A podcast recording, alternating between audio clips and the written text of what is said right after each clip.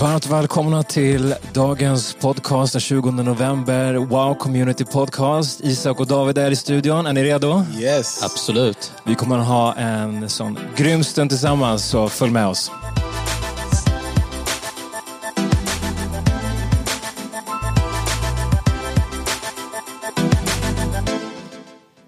Underbart. Varmt välkomna hit. Hoppas ni mår bra, hoppas ni sitter bekvämt. Yes. Absolut. Det känns bra. Eh, vi har ju haft lite så här relationstema de senaste veckorna där vi har talat om äktenskap, dating och allt annat. Om du som lyssnar inte har lyssnat på det, gå in och lyssna på det. Du kommer få jättemycket bra tips och råd. Och förra veckan så um, var det tre fantastiska damer, bland annat din fru David var med. Stämmer. Eh, Och de talade om äktenskap, relationer ur en, en kvinnas perspektiv. Och, och idag så har jag med mig två grymma män. Och det är Isak, Abraham, Icy Yes. och David Fenerström. Bara börja med att berätta er själva, om er själva. Isak, du kan börja. All right. Som du sa, Isak Abraham heter jag. Eh, Och eh, jag flyttade hit till Stockholm för cirka fem år sedan från Göteborg. Västkusten. Shoutout! Wow. Nice. ja, jag är 24 år gammal eh, och jag älskar den här församlingen We Are One Church. Yes. Underbart. Ja. Jag sa det till våra bibelskoleelever. Jag tycker göteborgskan är en av de härligaste dialekterna i Sverige. Det Alltså. var kul att höra alltså. Det är... Man blir god och glad. God och glad. Underbart. Ja, härligt. David, berätta. Yes, jag heter David, jag är 35 år, jag är gift med Anna och vi har tre små döttrar hemma. Eh, Jag jobbar som företagsrådgivare på, inom telekombranschen och jag älskar också den här församlingen. Den har en otroligt viktig bit i, i mitt liv. Så jag är tacksam, så det är så kul att vara här och få dela den här stunden med er. Yes, underbart. Så härligt att få sitta ner en liten stund med er. Det är alltid speciellt och jag tror vi kommer ha ett jättegivande samtal idag. Yes. Eh, Så vi kommer, vi kommer börja prata lite grann om relationer eh, och ni har ni är i lite olika faser nu i era liv när det kommer till relationer. För David, du är ju gift. Hur länge Ja. har du varit gift? Jag har varit gift nu i, vi är inne på vårt åttonde år. Åttonde år. Så tiden flyger, det går Wow. snabbt. Åtta år, tre barn. Ha, det blir bara bättre med åren. Underbart. Och Isak, du är just nu i ett förhållande. Ja. Så jag, i augusti har det varit ett år. Mm. Så jag är förhållande. Yes. Ja. Underbart. Så det är det som är kul också idag, för vi, vi är på lite olika faser. Eh, vilket innebär eh, både olika utmaningar men även eh, underbara saker. Eh, så att vi kommer prata lite kring det och ja, Mm. hur, man, hur man hanterar det, hanterar livet. Yeah. Och jag tänkte börja med att fråga, hur erövrade ni era ladies, era first ladies? David får eh, börja. Yes. Jo, det var så att vi gick i samma skola på eh, högskolan då, Södertörn. Ni som har pluggat där, det är en bra skola. Mm. och eh, det var så att vi hade en kristen skolgrupp och jag valde att vara med där för att jag, jag har sådana värderingar, jag är kristen. Så det var en bra gemenskapshäng och där såg jag då en person då, Anna. Eh, men jag kände inte henne, vi hade inte något, någon relation, alltså jag kände inte hennes kompis eller så vidare. Utan jag kände bara hennes eh, kompis som pluggade där, eh, Showit. Eh, så att vi, eh, det jag gjorde då, det var att jag, jag tyckte hon bara verkade intressant. Jag hade bara sagt hej till henne, inte mer än så. Men det var ju så att man såg henne i kyrkan. Jag såg att något som utmärkte henne det var att hon, hade, hon var villig att hjälpa till. Mm. Eh, när man letar efter en partner så vill man ofta se egenskaper som man tänker, det där eh, tycker jag om. Och hon var en sån här person som valde att hjälpa till volontärt i kaféet här i kyrkan. Hon valde att sträcka sig ut och ta hand om tjejer i ung ålder. Eh, vilket jag också kände så wow. Eh, vilka, vilka fina egenskaper. Eh, Eh, det jag gjorde då, det var ju att vi har ju något som heter ungdomsmöten där vi träffas på fredagar. Nu gör vi inte det med tanke på att det är speciella tider i corona. Men just då, då så var det ett ungdomsmöte eh, och jag hade bara sett henne några gånger. Jag hade inte pratat med henne mer eller så. Eh, utan jag, när jag såg showet där och så var Anna där med. Då gick jag fram och det här var efter nyår och så liksom, det var ett nytt år. Och jag tänkte bara liksom, jag ska ta kontakt här. Så som man, man samlar mod. Eh, Djupa andetag, gå in på toan, peppa sig själv. Nej, men. eh, Jag valde bara att gå fram och liksom fråga efter eh, alla personers nummer. Alltså det var Showit och så ytterligare en person och så var det Anna. Och min själva ingång var ju just den här kristna skolgruppen. Eh, och- och därefter så fick jag ju Annas nummer. Och jag vet ju själv att hon hade aldrig gett ut sitt nummer. eh, Bara sådär. Så du frågade om allas nummer? Ja, det gjorde jag. Det är ju genialiskt. Ja, jag menar man vill inte avslöja sig själv. Så, Alltså, wow. så man får ju gå, eh, gå, liksom, Nice. ja, gå runt alla liksom. Men jag hörde av mig liksom dagen efter och sen dess har vi haft kontakt. Eh, vilket är väldigt, jag är tacksam att jag tog det samtalet och att jag vågar gå fram för jag tror inte jag skulle vara där jag är idag. Nej. Wow. Det krävs mod. Verkligen. Frimodighet har med sig stolan. Amen. Isak, berätta. Hur fick du erövra? Vad heter din flickvän? Jordanos. Jordanos. Berätta. Yes. Jag kallar henne för Jordi också. Men ehm, ja, det var ju så 2016, det var då jag tog emot Jesus och jag flyttade till Stockholm. Eh, tog ett nytt beslut, liksom, ett nytt kapitel. Och eh, när jag kommer till kyrkan då så har Jordanos gått med Gud väldigt länge. Eh, hon var inne på sitt femte år med Gud, liksom. hon var ledare i församlingen. Men jag fick ögonen, eh, ögonen på henne väldigt tidigt i i min frälsning, liksom, i min vandring med Gud. Och när jag såg henne det var inte så som du, liksom, där du iakttog henne och såg Anna vad hon gjorde. Utan för mig det var bara, jag såg henne. Och alltså, jag blev bara helt förbluffad. Hon var jättevacker, hon är fortfarande vacker, du är vacker. Men eh, eh, det var det som caught my eye. Liksom. Eh, men jag har ju en ledare och jag delar ju med min ledare liksom, vad jag upplever, vad jag går igenom. Och eh, då vägledde min ledare som var Merhawi då, som är i Wow Gbg. Eh, han bara vägledde mig i den här processen av att, vet du vad, det är inte till det yttre du ska se utan det är till det inre. Det är det som är det viktigaste. Så då var det för mig liksom att jag behövde erövra eh, det här att det blir en övertygelse av eh, det, jag går inte från, eh, till det yttre utan jag behöver se eh, vad är det hon har som kan gynna mig i framtiden, alltså tillsammans med Gud, för vi ska tjäna Gud tillsammans. Liksom. Jag ser en framtid med henne, inte bara utifrån hur hon ser ut, utan det är liksom, vad är det hon bär på. Just det. Liksom, vad, vad är det, så som du såg liksom, att hon vill hjälpa till, vad är det för egenskaper hon har? Så för mig tog det ett och ett halvt år för mig att förstå att okej, det är det här jag ska satsa på. Eh, och eh, det var tufft för eh, ens känslor, liksom, det, det vajar upp och ner, du vet, man vill gå. Jag är en mover också, så det är så här, eh, om jag ser någonting, jag behöver gå liksom, och göra det. Men jag behövde ta mig själv till fånga och erövra det här eh, i bön och i anden. Eh, och så samlade jag mod, peppade mig själv. Liksom. Nu är det dags. Och jag gick fram och berättade hur det var liksom för mig. Eh, och efter det så hade vi kontakt och nu är vi här. Liksom. Wow. Jag vill tillägga innan faktiskt också, så bra det du sa. Att eh, jag hade faktiskt egenskaper jag ville se hos den här personen, hos Anna där, som jag inte visste skulle bli den jag är tillsammans och gift med idag. Eh, som sagt, jag är ju kristen och innan jag träffade Anna så hade jag faktiskt varit gift eh, en gång tidigare. Och då tänker ni så här, åh vad var det som hände? Eh, nej men det som hände var att eh, den här första, person, eh, första personen eh, som gick bort, då, alltså jag, jag är ju gift med henne, min första fru, eh, Linn heter hon. Eh, hon var en person som också bara blev en sån här förvandlande eh, person in i mitt liv. För att jag kom inte från en kristen bakgrund heller, utan jag kommer från eh, ett liv mycket festande, jag höll på med fel saker, liksom kriminella saker. Eh, och det, det gjorde också att liksom, när jag träffade Linn, hon hade en stabil relation med Gud. Eh, när jag såg hennes familj så fick jag liksom plötsligt ett hopp. För att jag kom från en skilsmässofamilj. Så min faders figur var inte hel. Min pappa var inte där eh, utan jag träffade bara honom på helgerna. Och vi hade kanske inte den bästa relationen. Eh, och sen så träffade jag Linn och hon har en stabil familj. Liksom. Det är ju din pappa, Micke, Ja, liksom, precis. vår pastor Lennart och Carolina. Och, du vet, det som förbluffade mig det var att ni var så kärleksfulla. Att ni liksom, jag älskar dig. Var det tufft, då bad ni till Jesus.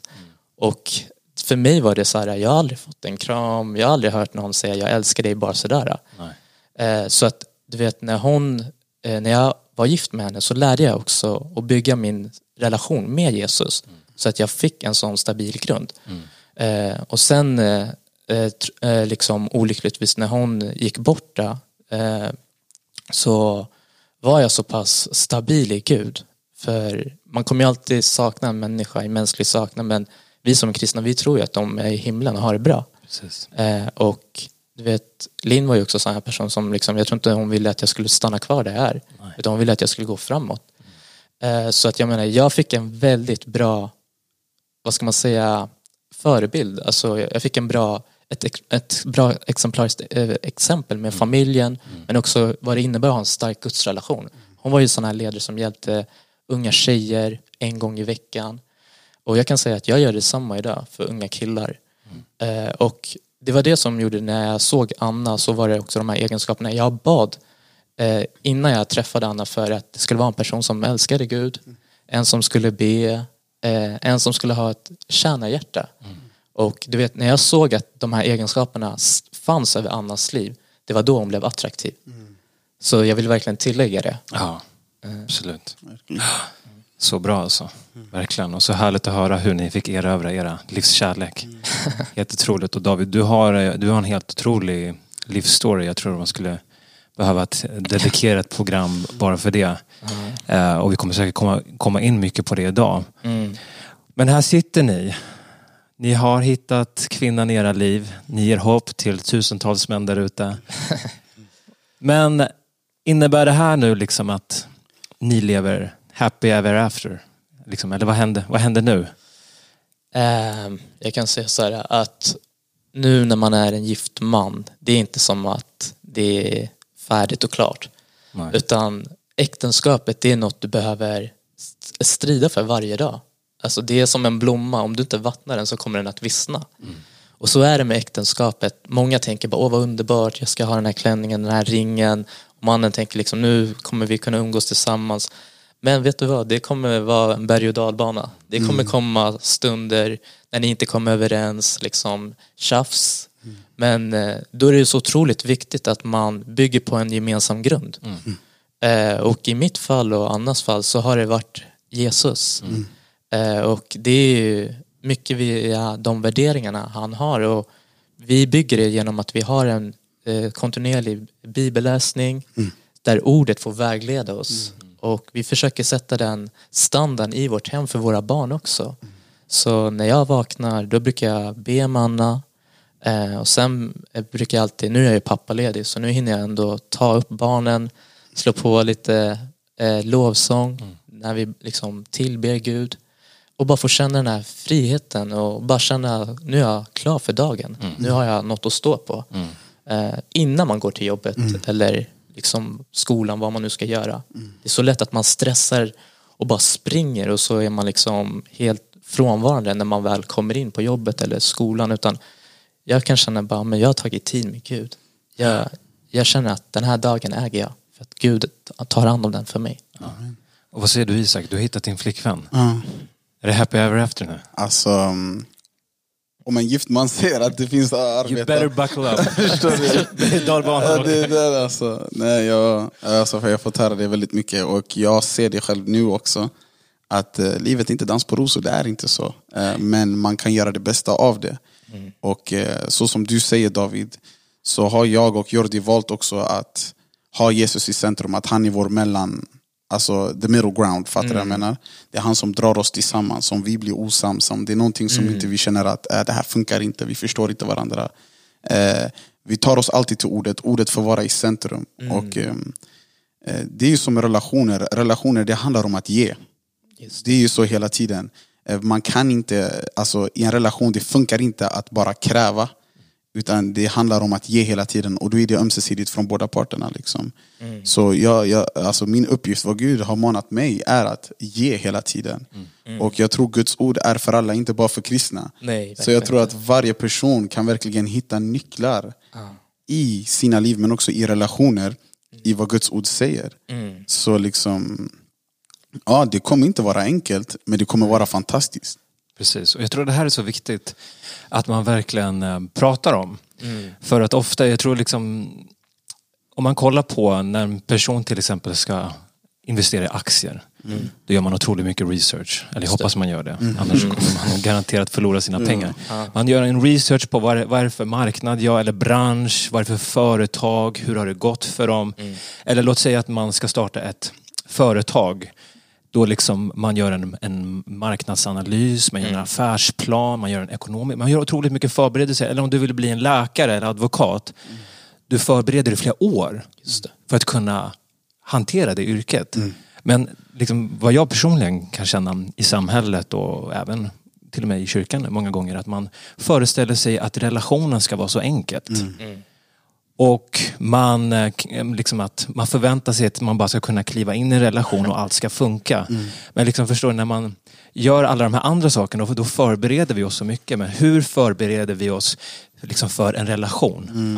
Så, eh, och jag tror att det är en av de viktigaste sakerna. Förra veckan, eller för, förra veckan så pratade man ju om dating. Och jag tror att man behöver verkligen förbereda sig för en relation. Och jag tror det är en av de viktigaste sakerna man förbereder sig för de här, den här berg och dalbanan du säger David, det är att man känner sig själv. Mm. Att man känner sig själv, förstår hur man är. Och en stor del av vem man är kommer utifrån också vem ens pappa är. Just det. Eller om man ens har haft en pappa. Mm. Det exemplet som man har haft framför sig. Hur, hur ska en man vara? Hur ska en man ta hand om sin fru? Hur ska en man ta hand om sina barn, sin ekonomi, sitt, sitt hus? Liksom. Alltså allt ifrån att städa. Ehm, och du var inne på det här i början faktiskt David, här du pratade just om, om att liksom, du nämnde hur, hur mi- min pappa, eller Linds pappa som är min syster också, blev ett exempel. Eh, och jag tror, jag tror att det här är en sån fundamental del för att våra relationer ska fungera, våra äktenskap ska fungera. Av att vi, vi känner oss själva men också förstår att vem har varit mitt exempel? Verkligen. Eller har jag ens haft ett, ett exempel? Liksom? Ehm, och vad, vad liksom, hur tänker ni? Hur stor betydelse tror ni just att just en pappa har för en som man? Och hur mycket tror ni att det påverkar hur man själv blir som man? Alltså jag skulle nog säga att det är A och O. En eh, pappa gör en otroligt stor skillnad. Den medför trygghet. Inte bara fysiskt utan, eh, utan man känner av att det är en viktig pusselbit. Eh, och jag vet ju själv när jag var ett skilsmässobarn att när min pappa inte bodde hemma hos oss så kände jag tomrum. Undermedvetet. Det blev en påminnelse när det var födelsedagskalas, när det var julafton, högtider. Det var en sorg i hjärtat. Och även om min mamma var helt fantastisk och gjorde det bästa så var det som att mamma kunde inte vara min pappa. Utan hon kunde bara vara min mamma. Eh, och jag kan ju säga att liksom, när jag såg din pappa Micke, eh, så att jag såg att han var kärleksfull men också att ni barn älskade honom genuint. Och eh, hans fru. Eh, och det gjorde ju att jag verkligen ifrågasatte bara vad är det de har som gör att de kan vara så stabila. Eh, och det var ju den här Jesus. Eh, och då förstod jag att när ni byggde er familj, era relationer på de här Guds ord, värderingarna som Isak var inne på, så ser man också att det blir som mörker till ljus. Det blir en sån fundamental skillnad. Och jag kan ju säga liksom, i och med att jag lärde känna din storasyster, alltså Linn, eh, som jag var gift med, eh, som har gått bort nu. Jag menar, hennes liv var ju en, ett exempel på att gå starkt med Gud. Eh, och en trygghet. Eh, och jag kunde ju se att liksom, när jag själv fick en sån här stabil relation med Gud, eh, då var det också som att jag blev hel själv. Eh, för att han blev min ha, eh, himmelske pappa. Men han motsvarade som min fysiska pappa. Även om eh, min, jag har kontakt med min pappa så känner jag ändå att Jesus är den bästa pappan. Mm. Eh, no offense till era för, alla pappor där ute men alltså det, och jag kan säga idag är jag familjefar, jag har egna barn. Och jag kan säga att det som var svårt eh, från min barndom det har jag liksom raderat och där har jag liksom satt in eh, Guds standard. Liksom att man ska vara närvarande, man ska prioritera äktenskap, familj, karriär, det är liksom sist på banan. Det är viktigt att eh, ta hand och finansiera och så här, men det är inte det viktigaste. Det viktigaste är att eh, ditt äktenskap eh, mår bra och då har du som man ett ansvar att visa vägen. Att vara en fadersfigur eh, och bara visa hur man går tillväga. Så det är liksom otroligt viktigt. Ja, wow, underbart. Isak, hur tänker du? Hur, hur stor betydelse tror du att en, en pappa har för en man? Väldigt stor. Ehm, och jag kan ju tala alltså, utifrån min erfarenhet också. Eh, jag tror det är det som är det starkaste argumentet. Liksom. Eh, men jag, jag att tänka på en sak medan vi pratade om det här. Att jag kommer ihåg att jag pratade med en vän, han ringde mig och han pratade om en annan vän som vi har. Liksom, och han klagade på honom liksom, om hur han beter sig. Han var väldigt irriterad på honom. Och då frågade jag honom, oh, men, du känner ju hans pappa, hur är han? Ja, väldigt likadant, sa han. Och sen kom vi in på honom själv liksom, och jag frågade honom, vad vill du bli när du alltså, blir lite äldre? Han bara, jag vill bli läkare. Vad jobbar din pappa som? Läkare. Bara de här små sakerna för mig fick mig att förstå att, vet du vad? Omedvetet så ser vi på vår far, Exakt. våra fäder, och vi vill göra exakt likadant. Spelar ingen roll om det är rätt eller fel, vi kommer att ta till oss det. Exakt. Ehm, och det har jag märkt i mitt liv också, hur min pappa är. Jag kommer ju från en kristen familj eh, och min pappa är helt underbar. Alltså han är helt fantastisk. Och, eh, jag ser så många egenskaper jag har eh, från min pappa och jag har tagit med mig det. Det finns bra saker och dåliga saker också. Liksom. Men det har jag tagit med mig och det är en sån viktig del. Plus så känner jag att fäder har en helt annan trygghet. De- skapar en helt annan trygghet än vad någon annan i familjen gör. Eh, Min mamma kan ge mig kärlek, hon kan ge mig bekräftelse. Min pappa ger mig trygghet, han ger mig också bekräftelse på ett annat sätt. Liksom. Och eh, Ja, alltså från min personliga perspektiv så ser jag hur viktigt fäder är och vi kan också tala statistik också om varför alltså, alltså de kriminella eh, siffrorna höjs, varför det finns alltså, ungdomar som inte eh, mår bra liksom, psykiskt och fysiskt och allting. Det är ju för att det, finns, det inte finns fäder som tar sina ansvar. Exakt. Och jag tror det beror på det sekulära humanistiska sättet man tänker nu för tiden. Fattar Mm. du? Att vet du vad, jag är en människa, jag bestämmer över mig själv. Ehm, om jag har ett barn, det är inte mitt ansvar. Det är typ så man tänker. Liksom.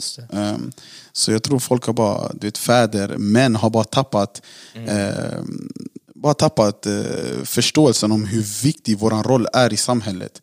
Och hur viktig del du har i att förändra alltså, Sverige och i hela världen. Liksom. Nästa generation. Det är nästa generation vi håller på och eh, formar. Liksom. Verkligen. Så fäder, alltså, ni som lyssnar, alltså, verkligen.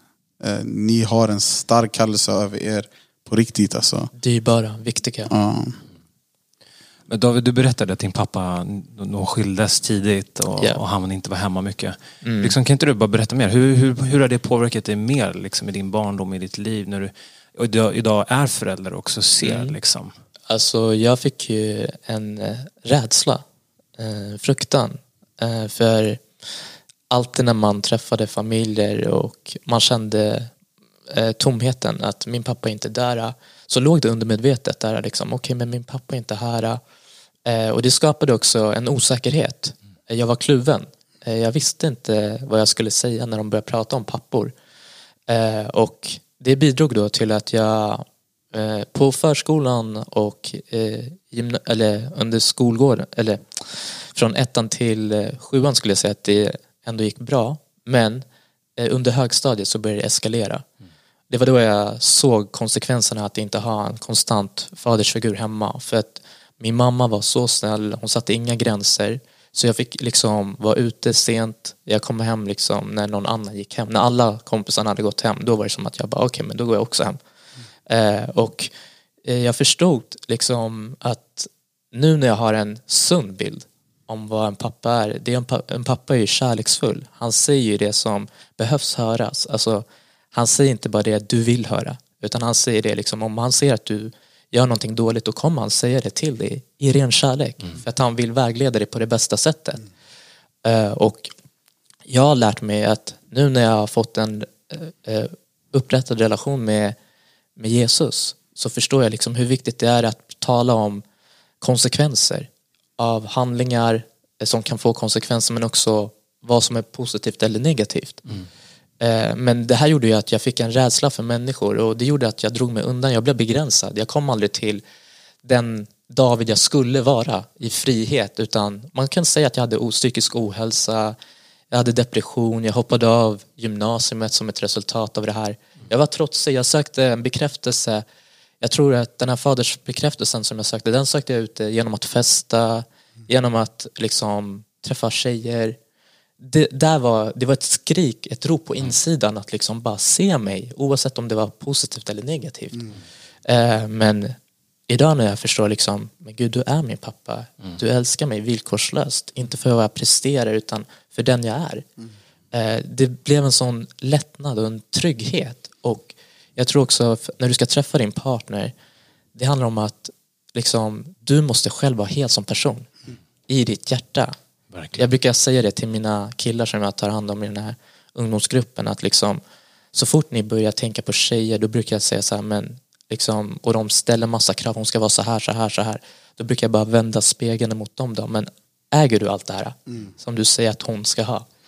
Eh, om du inte kan ta hand om dig själv, hur ska du kunna ta hand om henne? Eh, och för mig har ju den här eh, vägledningen varit från alltså Jesus, verkligen. Så han är min fadersgestalt, bästa fadersgestalt. Och jag älskar dig pappa, verkligen. Du är fantastisk och du har gjort det bästa du kan. Och, men Gud, du är min pappa, min himmelske pappa. Yes.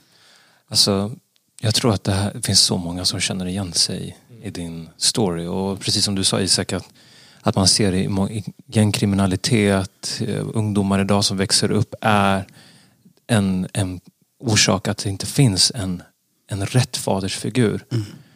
Och jag tog fram lite statistik här innan vi satte oss ner och eh, kollade på sta- Statistiska centralbyrån. Och, eh, antalet ensamstående mammor som finns i Sverige idag, 2000, eller, ja, förra årets siffror, är 2019, är att det finns 88 859 Mm.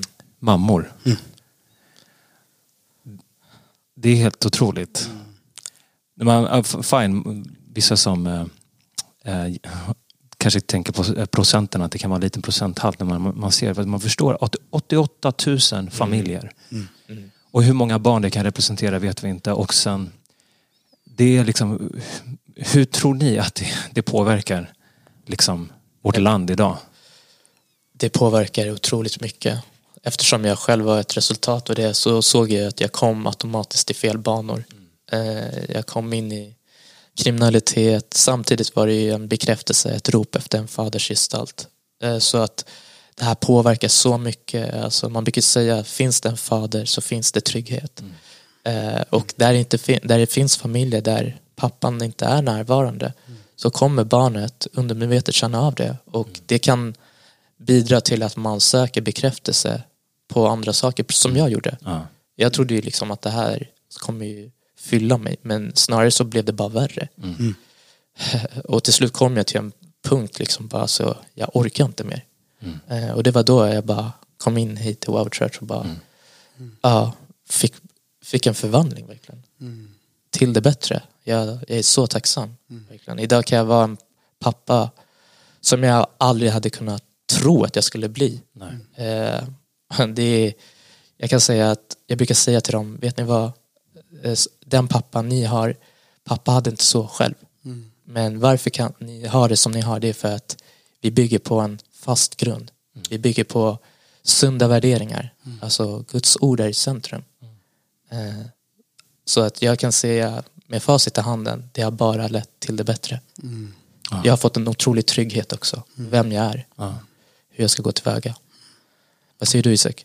Alltså, eh, ja, det är ju väldigt allvarligt, du vet de här siffrorna. Och, eh, jag, jag hade ju min pappa i mitt liv liksom. Eh, men jag hade många, alltså de flesta, alltså, vi säger nu om jag har fem vänner, eh, fyra av en, jag var en av, jag var den ena liksom. Resten hade ingen pappa liksom. Deras pappa kanske levde men de levde inte tillsammans med dem. Eh, Just det. Eh, Så liksom, jag kunde bara se där alltså, hur mina vänner inte hade någon spärr. Där jag märkte att för mig stannade det. Men för dem kunde det inte stanna. Och jag förstod det för att jag hör min pappas röst i mitt huvud. Alltså det, Du vet den här beskyddande eh, figuren som man har i sitt liv. Eh, och det, det var en spärr för mig, det hjälpte mig väldigt mycket. För jag var inne mycket i kriminalitet också. Det var min bakgrund. liksom. Jag och mycket missbruk i droger och festandet och säljandet. Och, men eh, spärren försvann för mig när jag inte kunde hedra min far som min far. Eh, jag hade en far i mitt liv, men jag såg inte honom som min far till slut. Och det är där det brast. Det är, där, det är då jag inte hade någon spärr. Det är då det gick överstyr. Eh, så liksom, Vad var det som gjorde att du inte kunde se honom som din, som din pappa? det var, eh, det var Det handlar inte om honom, det handlar om mig för det mesta. Jag hade mycket stolthet i mig. Eh, Först så hade jag mycket bekräftelsebehov eh, där jag gjorde saker för att mina vänner skulle tycka om mig. Och eh, när jag gjorde det jag ville och ville göra det som jag ville, min pappa kom ju med ett beskyddande sätt, liksom, säger till mig vad jag borde göra och inte göra. Men Det eh, krockade det krockade med mig och jag blev väldigt stolt. Jag var fast i droger också. Och droger gör så att du beter dig på ett visst sätt, du tänker inte klart. Eh, Så man liksom tar beslut som man ångrar sig till slut att göra. Liksom. Så, jag hedrar inte min pappa, jag tar illa av min pappa. Även om han var en helt fantastisk far. Liksom. Så, så, så, så var inte han min pappa till slut. Liksom. Så då kunde, då, det var som att jag kände mig i, i kolon då, fri, om man säger sådär, till att göra exakt vad jag vill. Och då märkte jag, Ey, Isak, nu är du ute på hal is. Nu gör du grejer som inte du har tänkt att göra. Liksom. Så du kan ha en far i ditt liv, men om inte du kan se honom som din far, det är som att du inte har någon far heller. Liksom. Nej. Nej, jag kommer ihåg när du kom eh, till kyrkan. Var det 2016? Ja. Wow Camp. Ja, exakt. Flahult. Ja, exakt, exakt. Du var en helt annan person. Alltså vad Gud har gjort i ditt liv är helt otroligt. Men om, om vi går tillbaka till de här siffrorna. I, förra året var det 88 000 men 2014, för sex år sedan, så var det 76 000 ensamstående mammor. Alltså på sex år har det ökat över 10 000 familjer. Kära nån. Eh, och det här är ju en, en utveckling som jag tycker att vi i Sverige borde vara oroliga över. Och, och precis som du säger, många av de problem vi har i samhället, det som gör mig frustrerad, det är att man, man pratar om skolan, man pratar om fritidsgårdar, man pratar om politik på högsta nivå om att lösa sådana här problem, men man pratar aldrig om familjen. Mm. Man pratar aldrig om pappans roll. För här läser vi de här siffrorna för ensamstående mammor. Sen finns det ju familjer som har haft pappor med, som har varit extremt dåliga exempel. Mm. Som har varit fast i alkohol, Mm. liksom varit otrogna mot, sin, mot sina barns mamma. Pappor som har bara liksom fullföljt karriär. Men liksom så att det finns ju också hela den här, äh, alltså det som sker i samhället idag, det är så mycket egoism. Och man adresserar inte liksom att familjen behöver bli hel eller, eller fäderna behöver återvända till hemmen. Jag tror verkligen att, att det är där vi ser ett problem. Och, eh, och jag vet att det här är ett ganska känsligt ämne. Och jag tror att det kan beröra eh, många som lyssnar. Och lika väl mycket alltså, tjejer. Alltså tjejer och kvinnor överhuvudtaget. Alltså pappan Verkligen. är en sån förebild. Och varför många kvinnor också hamnar fel eller söker bekräftelse för att de aldrig fick den bekräftelsen från sin fader. Men det är därför, Verkligen. det är därför jag tror vi pratar om det här idag också. Mm. Eh, för att det här är så viktigt ämne. Och det är känsligt men man behöver röra vid det. Verkligen. Men eh, om vi går till dig David, du har ju, har ju blivit pappa. Ja. Och, och liksom hur, hur har det här, liksom hur ser du på din papparoll idag? Eller hur är du med dina döttrar eh, idag? Bara för det första att få barn, det är en sån otrolig glädje. Alltså, har du levt ett liv utan barn och sen får du barn, du kan inte beskriva den känslan. Eh, Du kan inte beskriva den kärleken du får till det här barnet. Om du är sund och hel i ditt hjärta, då kommer du värdera det här barnet som du har fått. Eh, och i och med att jag var ett skilsmässobarn så hade jag ju en fruktan för att skaffa familj. Men skillnaden nu det är att jag har, jag har Jesus. Så när jag startade, när jag gifte mig och fick, fick barn med Anna, det var en glädje. Det var ju verkligen en, ska man säga, en revansch på, från min tidigare barndom. Och jag kan ju säga så här att jag försöker vara den här beskyddande, kärleksfulla fadern. Eh, och jag har ju tre döttrar och det är så otroligt viktigt att man bekräftar dem. Eh, inte bara för vad de gör utan för dem, det de är. Eh, att jag bara säger, jag älskar dig, du är så vacker. Varje gång min fru har kammat deras hår, då måste jag liksom hypa dem. Bara, wow! Mm du vet, så här, och de, jag ser på dem hur de bara sträcker sig med en sån värme och sån trygghet, en stolthet. Eh, och jag förstår ju då liksom, wow, jag har en jätteviktig roll att skapa en sund självbild. Också med tanke på det här samhället vi lever i. Allt ideal, hur du ska se ut, vad du ska väga. Alltså det där är, det, det är lätt att hamna i det hjulspåret. Men du vet när du har eh, Guds värderingar så är det så här, jag är älskad precis som jag är. Så att jag känner att eh, man brukar säga att kommer man från en trygg familj då får man trygga barn. Eh, och de här trygga barnen kommer bli morgondagens ledare. Eh, kommer man däremot från en otrygg familj, låt låt säga att pappan inte har varit i bilden, då kommer de här barnen bli otrygga. Och det kan resultera till kriminalitet eller psykisk ohälsa. Eh, det är väldigt enkel matematik. Eh, Eh, så att jag har sett, jag har varit på båda banorna. Men jag ser att det som har funkat för mig det är att jag har börjat applicera alltså Bibeln, alltså de värderingarna i mitt faderskap över mina döttrar. Eh, också som en man till min fru. Och bara värdera henne och att vi är ett team. Eh, och vi behöver samarbeta. Eh, innan jag gick med Gud så tänkte jag liksom om jag ska om jag ska gifta mig i framtiden då ska jag gifta mig med någon rik så att jag vinner på det. men, det men alltså du vet idag när jag går med Jesus så är det så här liksom hon har gåvor som jag inte har, jag har gåvor som hon inte har. Vi kompletterar varandra. Eh, men vi måste förstå att allt börjar med att man har en sund fadersbild. Verkligen. Vi ska börja gå mot avslutning snart här men, men jag skulle vilja ställa er en, en sista fråga och som, jag, som jag kanske under alla mina år som pastor här i kyrkan har mött att människor har som absolut svårast att acceptera och kanske eh, låta gå in i ens hjärta och det är hur, hur gör man för att se Gud som sin pappa? Kommer man från en bakgrund, alltså för David du är ett sånt exempel för du kommer från en bakgrund där du inte hade någon pappa. Men du sitter här idag och du kan tala om det helt öppet, helt fritt. Du är en pappa för dina döttrar. Eh, och även du Isak, liksom, med den resan som du har haft. Du har haft en underbar pappa. Men även det innebär inte heller att man blir hel. Nej, exakt. Utan eh, alltså, det, det som verkligen gör en hel är att, att Gud blir ens pappa. Precis. Och jag tror den, den positionen är avgörande i ens kristna tro och liv. Mm. Att vi är, vi är söner och döttrar. Men, men ni båda får dela in och Isak du kan ju börja. Hur, hur gör man om man, om man brottas liksom med det här? Alltså, jag tror att eh, man behöver släppa man behöver släppa tankebyggnader som man har, eh, bilder som man har på hur en far ska se ut. För man har ju erfarenheter och så vidare. Men jag tror, alltså Bibeln talar väldigt tydligt om hur vår, alltså vår far i himmelen är. Att han är en barmhärtig, en god fader. Liksom.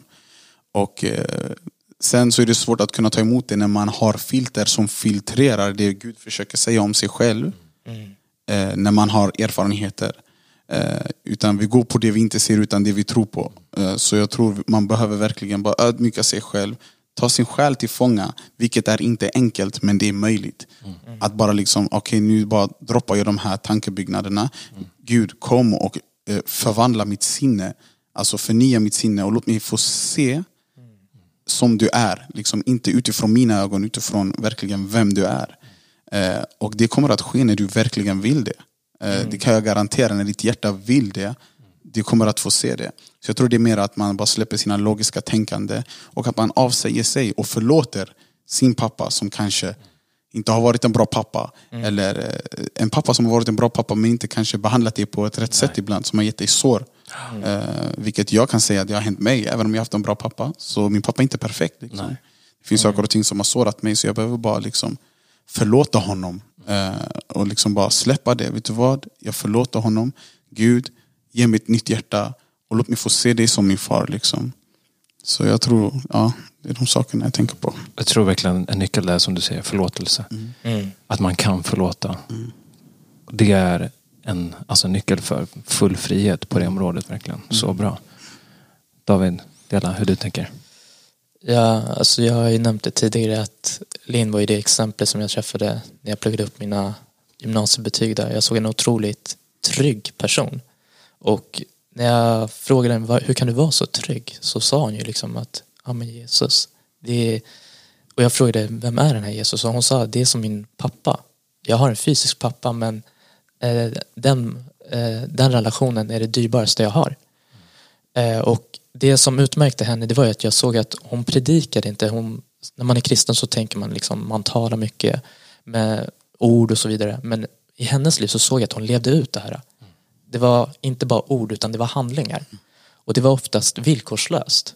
Eh, det var liksom, hon bara, hon sträckte sig ut till de här som syntes och de här som, vad ska man säga, kanske var mindre populära. Eh, ja, snälla, man kan säga typ mobbade. Men hon sträckte sig ut till, hon såg, hon kategoriserade inte någon. Och du vet, jag förstod liksom, okej okay, den här fadersrelationen hon har i Gud. Mm. Alltså det är en otrolig trygghet. Mm. Så att jag såg ju själv det och att det var ju det som gjorde att jag också själv ville komma till Wow Church och bara mm. är en person så här då vill jag verkligen se vad, vad det kan erbjuda mig och så såg jag ju mm. liksom andra ungdomar och er familj. Det var ju ett fantastiskt exempel och jag är, är så tacksam att jag fick se det på så nära håll för att jag kom från en helt annan mm. värld. Mm. Eh, så att jag kan ju bara säga att liksom, hade jag aldrig fått se sådana exempel som hade fadersfigurer, alltså som Gud, eh, då hade ju inte jag varit här där jag är idag. Mm. Så jag kan ju säga att det är A och O. Mm. Verkligen. Mm. Det, är, det är inte något jag kan ta med i egen kraft. Nej. Eh, verkligen inte. Så en fadersgestalt är mm. otroligt viktigt och sen har vi en himmelsk fader. Det är den mm. bästa fadern, ja. enligt mig. Nej, men, det är därför jag tror vi också vi har valt det här temat idag för att vi kan prata jättemycket om relationer och äktenskap men mm. det här, här är grunden för mm. allt. För vilka vi blir för våra kvinnor, för vilka vi blir mm. för våra barn. Yes. Jag ville bara tillägga också en grej. Eh, ja. att eh, eh, Som du sa också, det, kan, det, kan, det här kan vara en jättekänslig eh, subject för eh, många män. liksom men det här, alltså jag vill bara uppmuntra, det här är ingen attack utan det här är liksom Vad vi gick in på sist är att en relation är någonting man bara ger och inte tar. Exakt. Så liksom om vi säger att ni män behöver resa er, det är någonting ni behöver bara ge er till. Liksom. Det här är inte en attack, förstår men det är en uppmuntran. Förstår du? 100%. Så det är det jag vill också säga, liksom, för ni som hör. Alltså. Ja. Mm. Men verkligen, och sen också vill jag påpeka att liksom, det står ju i ordet att Jesus kom inte för att döma världen. Så han kom för att rädda den. Ja. Och eh, det är därför fadersgestalter är så otroligt viktiga. Mm. Han är ju vår bästa pappa, vi som tror på honom. Mm. Eh, så att jag tror också, som du säger, förlåtelse. Mm. Du vet när jag, jag hade så mycket oförlåtelse när jag kom till kyrkan och jag kände mig smutsig. Jag kände en skam, jag kunde inte vistas här. Men du vet när jag fick känna, genuint känna förlåtelse. Då var det som att den här väggen av alla misslyckandes bara begravdes. Mm. Jag fick en ny chans. Mm. Eh, och så här är det varje dag mm. när man går med Gud. Mm. Eh, det låter helt otroligt och det är det. Mm. Det är inte lätt, mm. det är inte perfekt men du måste med din fria vilja ge dig själv också. Det är värt det. Precis, Nej, men som du säger Isak också att är man en pappa som känner sig misslyckad det är aldrig för sent Nej. att be om förlåtelse. Det, finns, det är aldrig för sent för nåd. Det är aldrig för sent mm. att fädernas hjärtan vänds till barnen och barnens hjärtan vänds till fäderna. Mm. Så att, äh, så att man, man, ska absolut inte känna sig missmodig utan mm. tvärtom. Vi lyfter varandra, vi yes. tror på varandra. Mm. Och jag tror en av de viktigaste frågorna vi kan ställa oss genom våra liv det är vad är det första jag tänker på när jag tänker på Gud? Ofta när man får den frågan så säger man att han är världens eh, skapare, han är god, han är, han är Gud, han är helig, han är värdig och det är, allt är ju sant men jag tror att det som borde vara det första som kommer till oss mm. det är att han är vår fader. Ja, verkligen. Och jag, det är en bra fråga att ställa sig själv för då tar man lite tempen på mm. Är Gud verkligen min pappa? Har han den platsen i mitt liv? Eller behöver jag börja söka honom för den? Mm. För, för den han verkligen är. För att mm. Om Gud inte hade velat vara vår fader då hade han aldrig uppenbarat sig som fadern. Nej. Då hade han kallat sig det han kallar sig liksom, Mm. som Gud. Och, men han uppenbarar sig som Fadern för oss. Eh, så även du som är, är kristen och, och lyssnar på det här. Före ditt ledarskap, före ditt lärjungaskap så kommer ditt barnaskap. Det är den första platsen i våra kristna liv innan allting annat. Eh, så, och jag vill också bara avslutningsvis, jag vill bara, du nämnde min pappa David här som ett exempel och han har ju varit ett exempel för mig på många sätt. Verkligen. Eh, Men många känner inte till var han kommer ifrån. De vet ju att han är pastor här på Wow Church men de vet inte var han, var han kommer ifrån eller hur han växte upp. Men faktum är att, att min pappa hade själv en otroligt frånvarande pappa, min farfar. Eh, Och det var för att min farfar var så dedikerad till sitt jobb. Ah. Han började jobba från att han var 12 år gammal. Han lev, levde ett hårt liv. Han slet. Så att han, han jobbade ständigt, han jobbade jämt. Han, han eh, eh, levde liksom nästan, eh, ja men han, han, han ville aldrig lida brist på något sätt. Så det var ju en form av kärlek men hans pappa var inte emotionell, var inte när, nära, var frånvarande liksom på många sätt. Och samtidigt så var min pappas mamma, alltså min farmor, hon var också samt, samtidigt psykiskt sjuk. Hon hade en, eh, en men- mental sjukdom som faktum är utlöstes i samband med att min pappa föddes.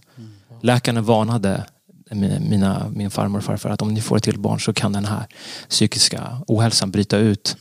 Vilket den gjorde. Ah. Så min pappa växte upp med att bära den skulden. Liksom. Att på grund av mig är min mamma sjuk. Han kunde besöka min farmor på mentalsjukhuset. Liksom, hur hon var fastbunden. Eh, han fick bo hos grannar. Liksom. Han, eh, han levde inte ett normalt liv. Han hade syskon som var 10-15 år äldre. Så han var väldigt ensam.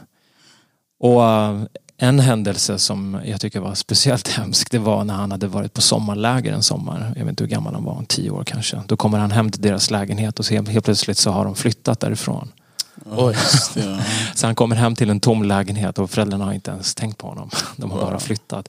Förstå vilket, vilket spår av förkastelse man kan känna. Verkligen. Och hur det här och flera andra händelser händer. Ah. Men hur jag ser hur min pappa Mm. genom Jesus som du säger David, han har blivit helad, han har blivit upprättad. Så att han, han kunde bli pappan för mig som han själv aldrig hade. Wow. Och det är det som är hoppet i Gud. Amen. Att Gud kan göra det omöjliga möjligt. Han kan inte, han kan inte återskapa vår barndom, Nej. men han kan, han kan förändra vår framtid. Det är helt fantastiskt. Mm. Så att om du lyssnar idag och du kanske har gått miste om någonting eller du har varit en pappa och du inte har varit där. Gud älskar dig. Gud vill uppenbara sig som din fader. Mm. Han vill visa dig hur mycket han älskar dig. Så, och jag skulle bara, jag vill bara ge dig ett bibelord, du som lyssnar. Från psalm 139, vers 16, där det står så här att dina ögon såg mig när jag ännu var ett outvecklat foster. Alla mina dagar blev skrivna i din bok och de var bestämda innan någon av dem hade kommit. Det finns ett annat bibelord där Gud säger att även om din far eller din mor överger dig så kommer jag aldrig överge dig. Så Gud älskar dig och vi hoppas att du blivit välsignad av det här samtalet den här dagen. Mm. Så tack David och Isak att ni var med. Tack själva. Eh, Så säger vi på återseende så får ni följa med oss nästa vecka på Wow Community Podcast. Mitt namn är Mikael Torebring, dagens host.